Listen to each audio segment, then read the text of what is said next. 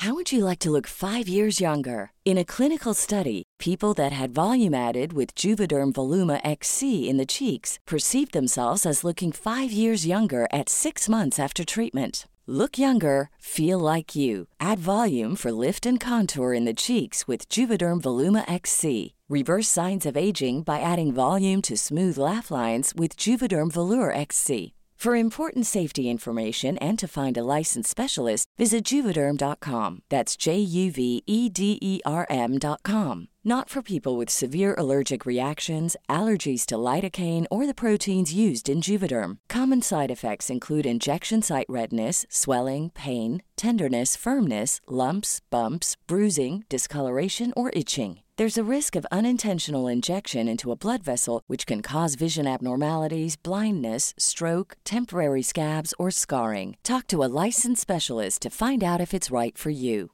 Tired of ads barging into your favorite news podcasts?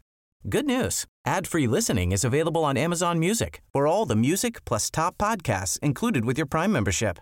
Stay up to date on everything newsworthy by downloading the Amazon Music app for free or go to amazon.com slash news ad free. That's amazon.com slash news ad free to catch up on the latest episodes without the ads.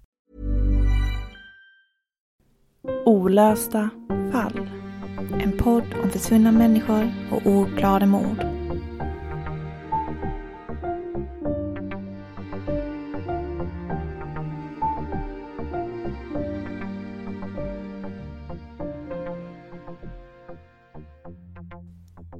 När Kylikisari begravdes den 25 oktober 1953 i Finland gick folk man och huse för att närvara på den sorgsna tillställningen.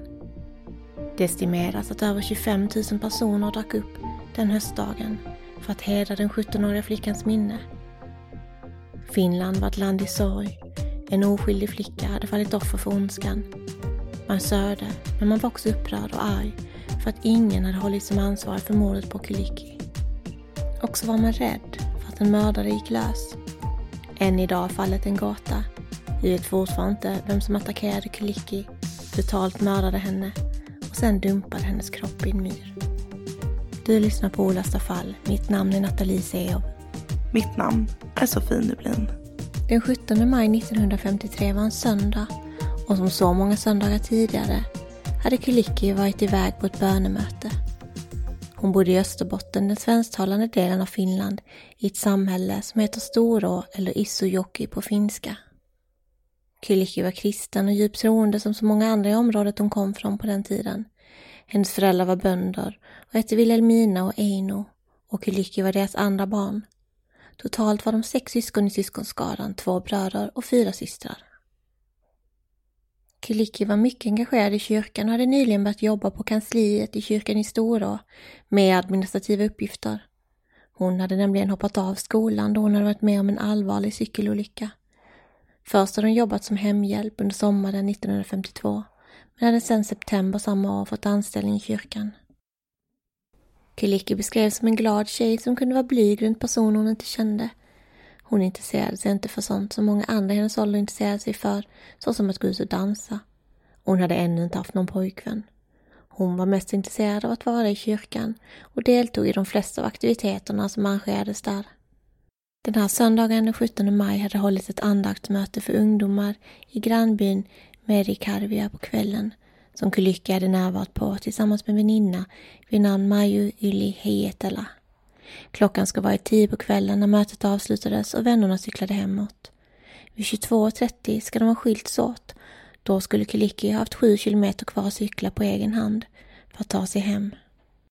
Enligt Mayo ska Kiliki ha varit nervös för att cykla den sista biten hem eftersom det var mörkt och läskigt. Mayo hade föreslagit att hon skulle följa med henne hem och sova över där istället för att cykla hem själv. Men Kiliki insisterade. Hon skulle hem den kvällen. Det sista hon ska ha sagt till Maju var att allt säkert skulle gå bra precis som det alltid gör. Och så hade hon sagt hej då. Men hon kom aldrig hem den kvällen. Kyllikki kom aldrig mer hem igen. Och det farväl hon tog av sin vän den kvällen blev hennes sista. Det var några som gjorde intressanta iakttagelser kvällen då Kyllikki försvann.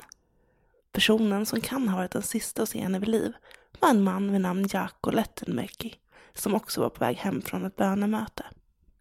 Han ska ha sett en person som han misstänker kan ha varit Kylikki.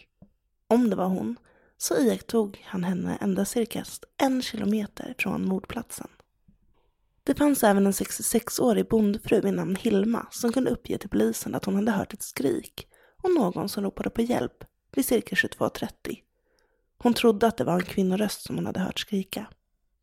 Det var alltså den 20 maj som sökandet efter henne började och man utgick från den plats där hon och Maiju hade sagt hejdå till varandra. Över 30 personer deltog i det första söket efter henne och dagarna gick och ryktet om den försvunna flickan spred sig som en löpeld i bygden och fler och fler anslöt till sökandet efter henne. Efter bara några dagar var det hundratals personer som sökte av myr, skog och mark. Men man fann varken den försvunna 17-åringen eller hennes cykel. Det enda man hade att gå på, förutom Jakobs vittnesmål, var några spår på marken som en bonde och hans son hade sett morgonen efter försvinnandet. Det var hjulspår från både en bil och en cykel. Det fanns också spår som såg ut som en cykel som hade dragits sidledes längs vägen. De observerade också fotspår och krossat glas på platsen. Det såg helt enkelt ut som det skett tumult på platsen som bara var cirka 500 meter från den plats som Maggio och Kulicki hade skilts åt. Så fort bonden fick höra om Kulickis försvinnande informerade han polisen om vad han och sonen hade sett. Men tyvärr hade det gått för lång tid och spåren gick inte längre att säkra. Men nu hade polisen i alla fall en ny intressant plats att utgå från i sitt sökande efter Kulikki.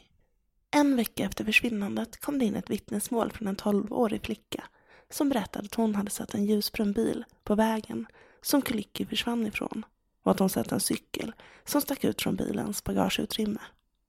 Hon ska ha sett det här klockan elva på kvällen då Kulicki försvann. Enligt henne fanns det två män i bilen. Den ena var normalt byggd och den andra var lite större. De hade kört jättefort och inte haft lamporna på, trots att det var mörkt ute. Det var även flera andra som iakttog en ljusbil som körde fort med en cykel i bagageutrymmet den kvällen och polisen efterlyste personen i bilen, men utan resultat. En teori började ta form. Kunde Kyllike varit med om en olycka och blivit påkörd? Den 9 juni publicerades en bild på Kyllike för första gången i tidningen. Men det var inte förrän i juli som det första spåret efter henne hittades. Hennes cykel återfanns i en myr, långt från vägen.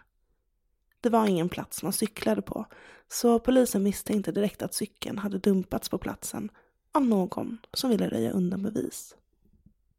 Det konstaterades också att det rörde sig om en förövare som måste ha känt till platsen väl, eftersom cykeln var så väl gömd och hittades i ett område som man sökt igenom flera gånger tidigare, även med metalldetektor. Kanske hade den dumpats där i efterhand. Dessutom hade ventilerna på cykeln skruvats av så att den skulle sjunka bättre. Det fanns inte några uppenbara skador på cykeln, så teorin om att Kulicka hade kört på av en bil blev inte någonting som förstärktes i det här läget. I oktober, flera månader senare, ett par kilometer från platsen som cykeln hittades på, fann man till slut Kulickis ena sko. Den hittades efter flera fruktlösa sökinsatser och inuti skon fann man Kulickis sönderrivna skarf med tandmärken på. Man befarade att skarfen hade använts som munkavel. I skon fanns också en avklippt herrstrumpa, ihopvikt och bunden med ett svart yllegarn. Vem strumpan tillhörde och hur den hamnat i hennes sko på det sättet förblev ett mysterium. Det var den 11 oktober 1953 som Kulicki äntligen hittades, begravd i myren, bara ett tjugotal meter från platsen där man funnit hennes ena sko. Det var en man vid namn Mario Hitayo som lade märke till att en torr tallgren stack upp ur myren. När han drog upp den upptäckte han att någon hade vässat änden på grenen med en kniv. Han lade också märke till en fruktansvärd odör på platsen. Och mycket riktigt, där under torven hittades Kulikis kvarlevor begravda.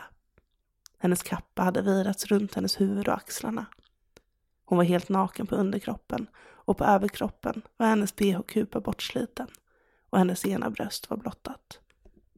Den 17-åriga flickan hade utsatts för ett brutalt våld innan sin död. Hennes ansikte var krossat och förövaren hade använt ett trubbigt föremål.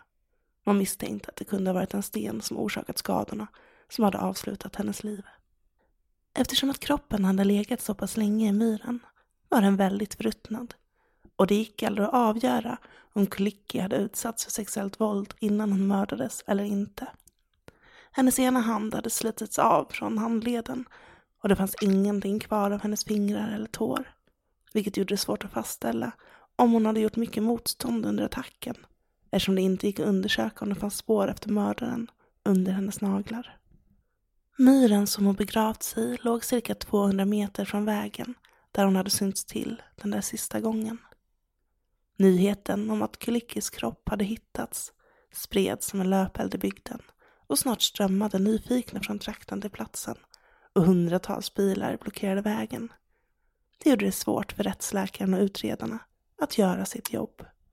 Rättsläkaren i fallet skulle visa sig göra en makaber upptäckt. Den torra tallgrenen som markerat platsen där Kulicki var begraven på hade körts igenom hennes mage och det kunde konstateras att det hade skett efter att kroppen hade ruttnat. Det spekulerades att mördaren kan ha återvänt till platsen efter Kulickis död för att märka ut gravplatsen med tallgrenen. Kanske för att han ville återvända till platsen igen och igen i sin ensamhet för att minnas det fruktansvärda han utsatt den oskyldiga flickan för. Det rörde sig utan tvekan om en besinningslös och kallblodig mördare som var kapabel till att utföra någonting sådant makabert. Platsen genomsöktes återigen den 14 oktober och då fann man Kulikis andra sko.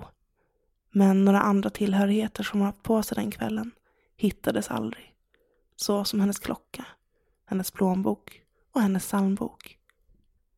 När det var fastställt att Kulicki hade mördats drog en omfattande mordutredning igång och tips strömmade in till polisen som hade svårt för att särskilja alla rykten från faktiska spår. I medierna hängdes flera misstänkta personer ut med både namn och bild och det var många som skulle komma att misstänkas för mordet. Närmare bestämt 500 misstänkta skulle det bli under årens lopp. Det rådde en hård och hetsk stämning i bygden. Alla misstänkte alla. Alla misstänkte varandra. Många fick sina liv förstörda på grund av skvaller som cirkulerade om än det ena och än det andra. Flera människor flydde till andra länder. Det fanns de som tog livet av sig på grund av anklagelser och andra som togs in på mentalsjukhus efter att de hade blivit misstänkliggjorda och ansetts vara skyldiga i allmänhetens ögon. Tragedin verkade inte ha nått några gränser i Storå.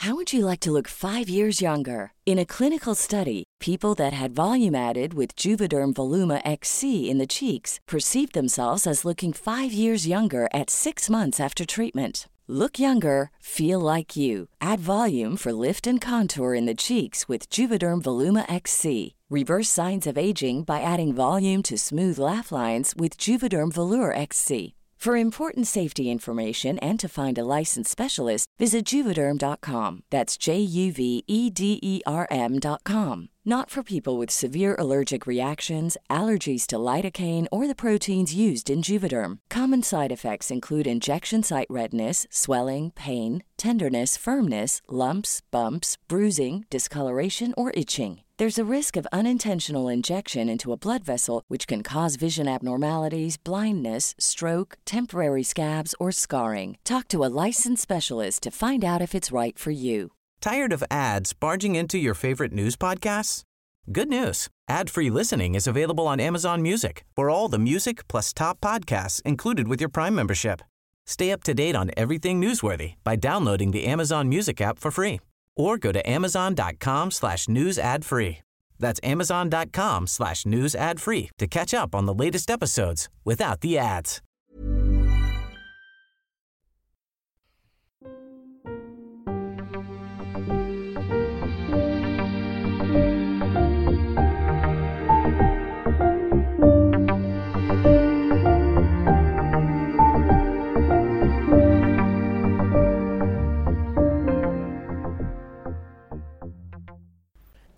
Ja, det här är ju ett väldigt uppmärksammat fall, Sofie. Det kan ju vara kanske Finlands mest uppmärksammade fall någonsin. Mm. Och som sagt så blev Kylickis begravning närmast ett spektakel, så uppmärksammat som mordet hade blivit. Över 25 000 personer ska ha deltagit, vilket är fler än antalet som närvarade på OS-invigningen i Helsingfors som ska ha varit året innan, för att sätta det i perspektiv. Mm, det är mycket människor. Ja, det är verkligen det och givetvis så fick inte alla de här personerna plats i kyrkan. Det ska ha varit 3000 ändå som har tagits in i kyrkan och varit åskådare där. Det var fullproppat och sen så flockades folk utanför i långa rader. Liksom, det var verkligen en uppståndelse. Men hemskt nog så var det också personer som tog tillfället till akt att förtjäna pengar på den här händelsen och organiserade busstrafik från kyrkan till graven på myren för alla som vill åka dit och se platsen. Usch, att man gör en liksom happening av det. Ja. Det... Och man kan ju inte Mm. låta bli att tänka på hur det måste varit för Klickis familj. Att fallet blev så uppmärksammat bara utså detta ovanpå allt annat mitt i sin sorg liksom. Ja, det är lite, lite för tidigt. Det är kanske någonting man kan göra så 200 år senare. Ja, det, det känns inte okej. Men eh, Kylikis far talade kort på begravningen och tackade alla som hade kommit och visat sitt stöd och han uttryckte även tacksamhet till alla som deltagit i sökandet efter Kyliki för där var det också många som hade engagerat sig. Det var ju familjen såklart tacksam över. Eh, en lokal handelsman ska ha skapat uppståndelse när han avbröt begravningen och höll ett 30 minuter långt tal där han svor om hur dåligt polisen hade hanterat fallet och att dödsstraff borde införas i Finland igen. Det kan kännas ganska respektlöst att ta fokuset bort från Kyllikki för att föra sin egen talan där och då kan man tycka. Ja, det är ändå det är en begravning. Det känns som att en politisk debatt är någonting man tar utanför kyrkan efteråt. Eh, snacka om att vara respektlös. Mm. Min mamma kommer faktiskt från den här delen av Finland, Österbotten. Eh, Men hon föddes 1957. Det är fyra år senare, efter den här händelsen. Och jag har faktiskt frågat henne om hon hade hört talas om fallet, men det hade hon faktiskt inte. Det kan ju varit väldigt omtalat där och då, men sen när det har gått några år så föll det kanske i glömska som så många andra fall gör när spåren kallnar. Mm. Men i den här diskussionen så tänkte jag att vi ska gå igenom de som var huvudmisstänkta i fallet. Det var ju som sagt väldigt många som förhördes och flera som kom att misstänkas för mordet genom åren. Mm. Och vad är det för mördare som det rör sig om här egentligen? Pekka Santila, som är en uppmärksammad profilerare och rätts och brottsutredningspsykolog vid Åbo universitet, har gjort en gärningsmannaprofil som han har gått ut med för vem han tror kan ha utfört mordet på Kylikisari. Och han tror att det var en man som var i 30-årsåldern när mordet ägde rum. Han tror att det är en enstöring som inte hade många sociala relationer men kan ha känt till Kyllikki eh, men eh, ska inte ha haft en direkt relation till henne. Mordet tror han har varit planerat i detalj men, han, men det kan också ha rört sig om en slump att det var just Kyllikki som blev mördarens offer. Han tror också att det finns tecken från brottsplatsen och hur mordet utfördes som pekar på att det rör sig om en person med ett kriminellt förflutet. Så vad har vi då för huvudmisstänkta? Var det någon som platsade in på hans beskrivning av gärningsmannen? Ja, låt oss gå igenom några av de huvudmisstänkta. En av dem var faktiskt en präst eh, vid namn Kauko Kanervo som hade anställning i kyrkan i Isojoki från 1952 till 1953. Och han var i alla fall en som inledningsvis ansågs vara huvudmisstänkt i det här fallet. Och han var intressant eftersom han var känd för att ha ett utsvävande sexliv och att han tidigare hade förfört unga konfirmander och då förlorat sitt jobb som missionär i Afrika på grund av liknande händelser. Han ska alltså ha sexuellt ofredat unga tjejer. Eh, väldigt trevlig präst. Det var därför väldigt logiskt av polisen att eh, titta närmare på just honom av den här anledningen eftersom man då misstänkte att eh, kan ha blivit utsatt för sexuellt våld innan hon mördades. Och Kulicki ska dessutom ha skrivit ett brev till den här prästen tre dagar innan mordet. Man hade också vittnesmål om att han kan ha sexuellt ofredat Kulicki även om det eh, på den här tiden kanske inte ansågs vara sexuellt ofredande. Men idag hade man sett det som det. Prästen hade försökt kyssa och omfamna henne, eh, men Klicke hade avvisat hans närmande varje gång. Så att han har ju haft ett intresse för Klicki. Ja, sjukt obehaglig präst. Ja, och det som är lite läskigt det är också att han inte riktigt först ville erkänna att han ens visste vem hon var, men sen ändå så har det kommit fram de här, ja, kan man säga, vittnesmålen om att han ska ha sexuellt ofredat henne, så det stämmer ju inte att han inte visste vem hon var i alla fall. Nej. Och den här prästen, han hade nyligen flyttat till eh, Merikarvia, en stad som var belägen cirka 60 kilometer från Storå, eh, när mordet då skedde.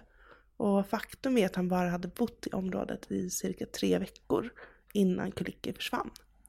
På mordkvällen så ska han haft en tillställning hos sig, men det fanns cirka 20 minuter under kvällen som han inte ska haft alibi för. Det konstaterades dock att på den korta tiden ska han inte hunnit utföra mordet eftersom han inte hade körkort eller bil och inte fysiskt hade hunnit brottet och sedan hinna tillbaka till Medicarvia i tid. Och därför kunde han i stort sett avskrivas från misstanken till slut just på grund av eh, det här korta tidsförloppet. Men år 1956 skulle han faktiskt dömas för att ha inlett en sexuell relation med en minderårig ett år tidigare. Så man förstår ju verkligen att polisen har haft sina ögon på honom som huvudmisstänkt. Eh, dels också då för att Kulikisari ska ha fått jobb i kyrkan som han var präst för och hon ska ha spenderat mycket av sin tid där. Och Kanerva har alltid hävdat sin oskuld och att han inte på något sätt varit inblandad i mordet på Kiliki. Han ska ha yttrat sig om fallet i en intervju i tidningen Hymy år 1962 och då sagt att han knappt visste vem hon var vid tiden för mordet. Han hävdar hävdade att hon var ny på jobbet och att han hade inte haft möjlighet att lära känna alla i församlingen eh, när det här hände. Eh, han bedyrade också sitt alibi och att han haft fullt upp och förberett inför eh, konfirmationsskolan morgonen därpå och aldrig skulle ha hunnit ta sig till Isuyoki och tillbaka. Sen har vi Hans Assman som är en annan man som också anses som huvudmisstänkt i det här fallet. Han är intressant av flera anledningar. Dels har han varit en misstänkt KGB-agent, men han har också figurerat som misstänkt i ett annat uppmärksammat fall, trippelmordet i Bodom. Därav tänkte man att han kan ha varit den som utförde trippelmordet. Hade han också kunnat genomföra mordet på Klicki för att det är två bestialiska dåd det handlar om. Misstankarna mot Hans grundade sig i att hans fru hade kunnat bekräfta att Hans och hans chaufför ska befunnit sig i närheten av Storå vid tiden för mordet. Han ska ha kört en ljusbrun Opel, samma typ av bil som passar in på beskrivningen av den bil som flera vittnen ska sett i närheten av mordplatsen vid tiden för mordet. Och frun kunde också bekräfta att en av hennes mans strumpor var försvunnen och att hans skor hade varit blöta när han kom hem på mordkvällen. Och det är ju intressant med tanke på att en avklippt härstrumpa hade hittats inuti Klickis sko. Mm, verkligen. Och också att eh, man ska ha sett två män i bilen om han nu hade en chaufför också. Precis, och det fanns också märken på hans bil. Och några dagar efter mordet ska han och hans chaufför kört iväg igen och tagit med sin spade. Och allt det här är då enligt frun. Mm. Eh, det ska också framkommit att mördaren måste ha varit vänsterhänt eftersom tallgrenen som markerade ut hennes grav såg ut som att den hade vässats av någon som var vänsterhänt och Hans ska också ha varit vänsterhänt, så där stäm, det stämmer också in på honom. Och Hans ska faktiskt ha erkänt det här mordet så sent som 1997 till en före detta polis. Han ska då ha berättat att Kiliki dog till följd av en bilolycka när hans chaufför ska ha råkat köra över henne så att det hela rörde, rörde sig om en olycka. För att misstankarna inte skulle falla på dem så hade de sen iscensatt hela det här som, som ett mord liksom. Mm. För enligt mig så är han ju, särskilt på grund av erkännandet, en mycket intressant misstänkt gärningsman. Fruns vittnesmål får man givetvis ta med en nypa salt eftersom man aldrig vet vad motivet till att eventuellt vilja sätta dit honom för det här målet kan vara. Man vet ju inte om det kan finnas en konflikt dem emellan. Om hon vill hämnas på honom, sånt vet man ju aldrig. Men hans erkännande går ju hand i hand med det som hon har sagt. Så därför blir ju hennes vittnesmål extra intressant och han blir ännu mer intressant som misstänkt person känner jag i alla fall han låter väldigt misstänkt, men precis som du säger, det är svårt att veta när det bara är ett vittnesmål. Man behöver någon form av fysisk bevisföring också. Eh, ja. Sen vad man har gjort med det här erkännandet är ju en annan femma. Mm. Eh, sen har vi den sista misstänkta personen som vi kommer att beröra idag och det är Vittori Lemusvita som var en psykiskt sjuk man som hade vårdats på mentalsjukhus flera gånger genom årens lopp. Han var 38 år gammal vid mordet och bodde bara en, två kilometer från mordplatsen. Han hade också en kriminell bakgrund, vilket då ställer, stämmer in på teorin om eh, gärningsmannens bakgrund. Och han hade dömts för sexuellt ofredande redan på 1940-talet. Och polisen misstänker då att han kan ha utfört mordet och sedan fått hjälp av sin svåger, som också var då kriminell, eh, för att helt enkelt göra sig av med Kylikis kropp. Både Vittorio och hans svåger ska ha känt till terrängen väl och de jobbade båda två vid ett dikesbygge, bara cirka 50 meter från platsen som Kiliki hittades på. Så de brukade alltså vistas på den här platsen och kände till området väl. Ja, och det är ju väldigt intressant med tanke på att platsen är avsides och det var en bit in i terrängen. Det är inte jättemånga som hade vetat om den här platsen. Så att eh, där tänker jag att det styrker ju misstankarna mot Vittori.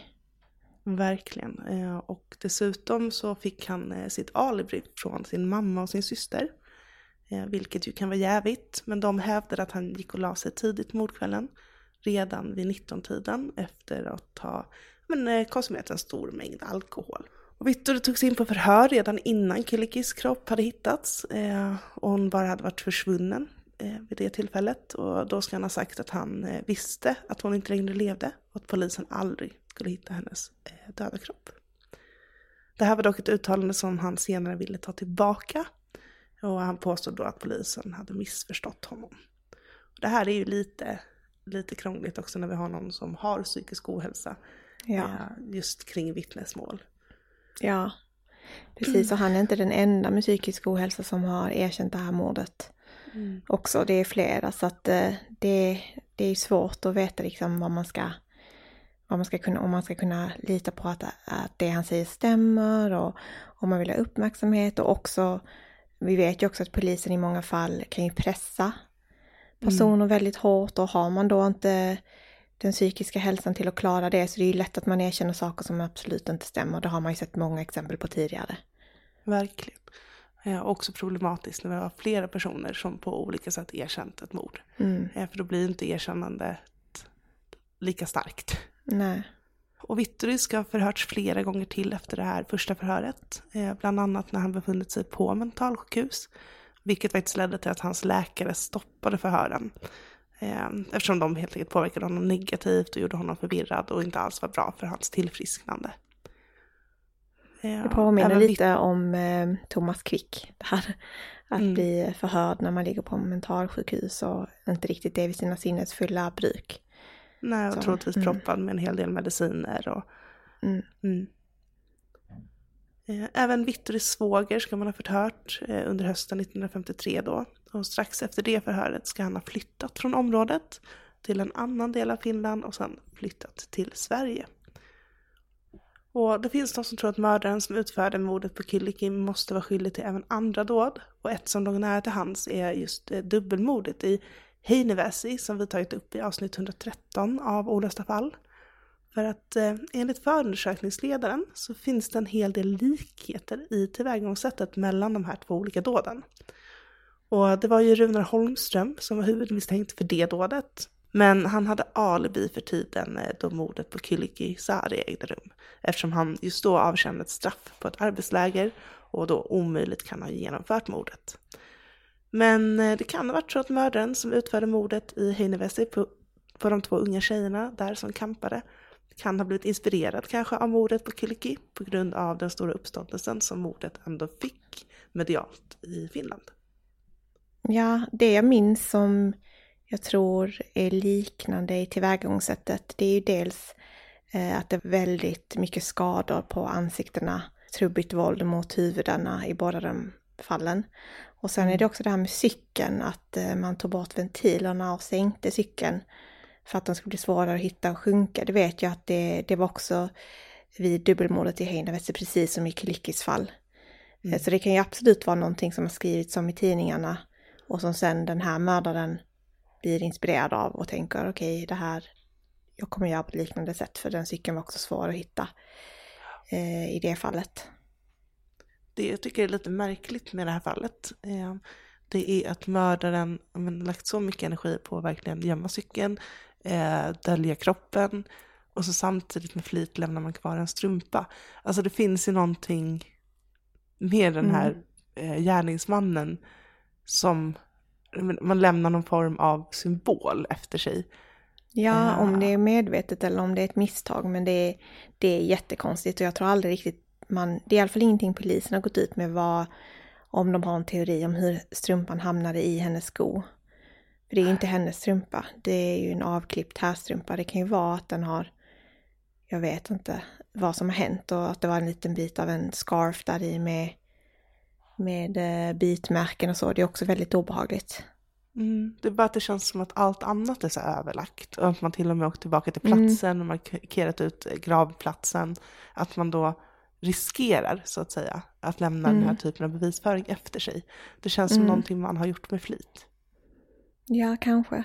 Det, mm. det känns ju också som det här med att graven är utmarkerad med tallgrenen. Det är ju också antagligen för att man ska själv kunna hitta tillbaka dit och det är mycket som är överlagt på något sätt. Ja, fruktansvärt obehaglig människa som har utfört det här. Mm.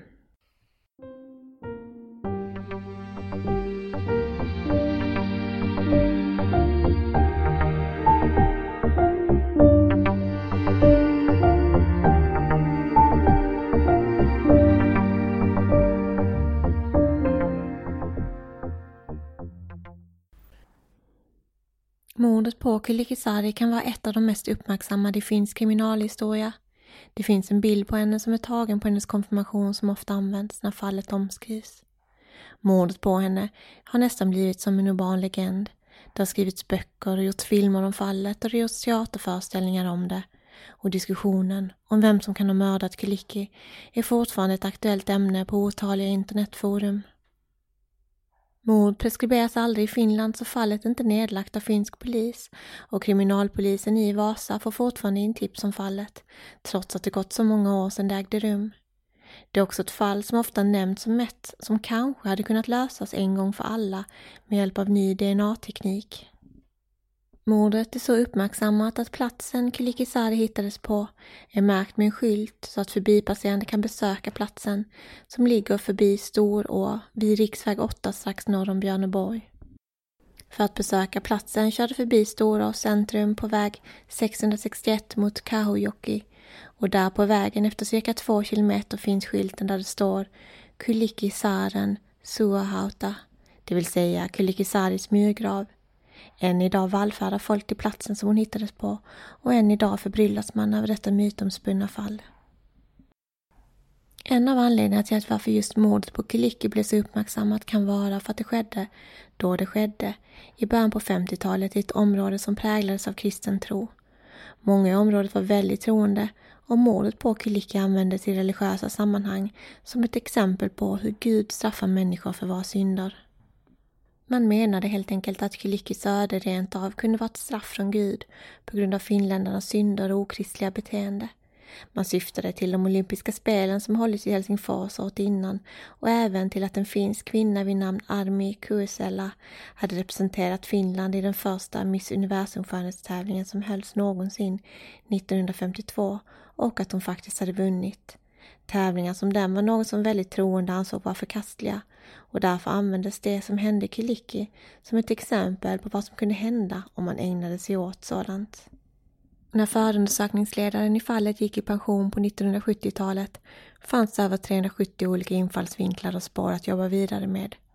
Över 5000 personer hade förhörts och det fanns otaliga misstänkta.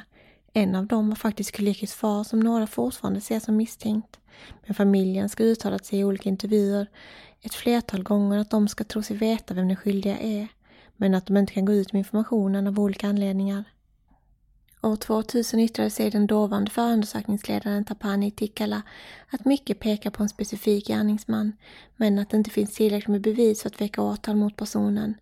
Men att det inte är omöjligt att det går längre fram om nya bevis presenteras. År 2004 yttrade sig Tikala i en intervju att han inte kunde offentliggöra personens namn eftersom personen skulle ha avlidit.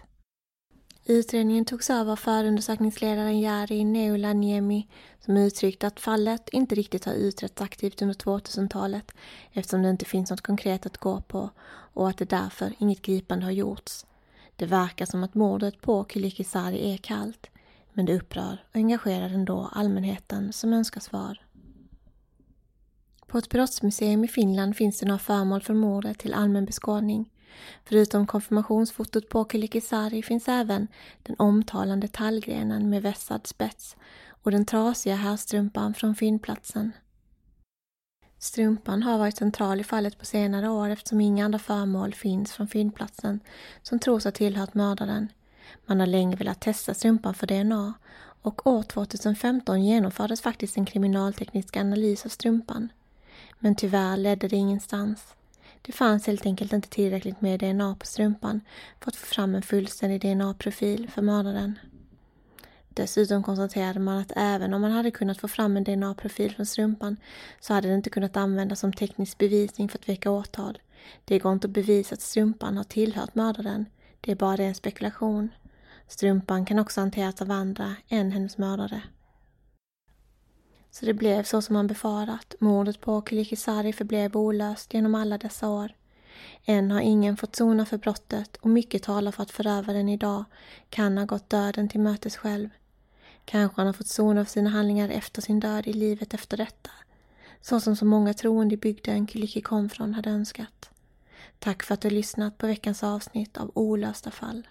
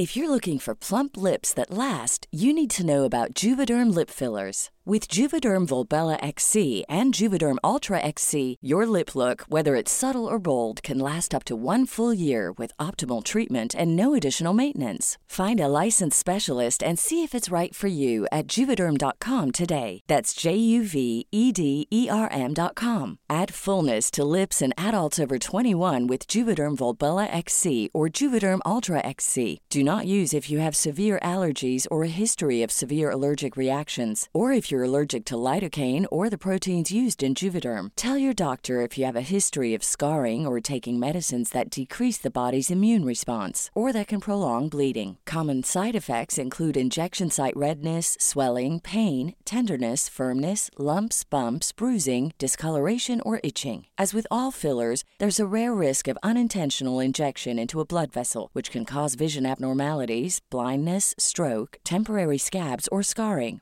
For full important safety information, visit juvederm.com. Tired of ads barging into your favorite news podcasts? Good news. Ad-free listening is available on Amazon Music. For all the music plus top podcasts included with your Prime membership. Stay up to date on everything newsworthy by downloading the Amazon Music app for free or go to amazon.com slash news ad free. That's amazon.com slash news ad free to catch up on the latest episodes without the ads.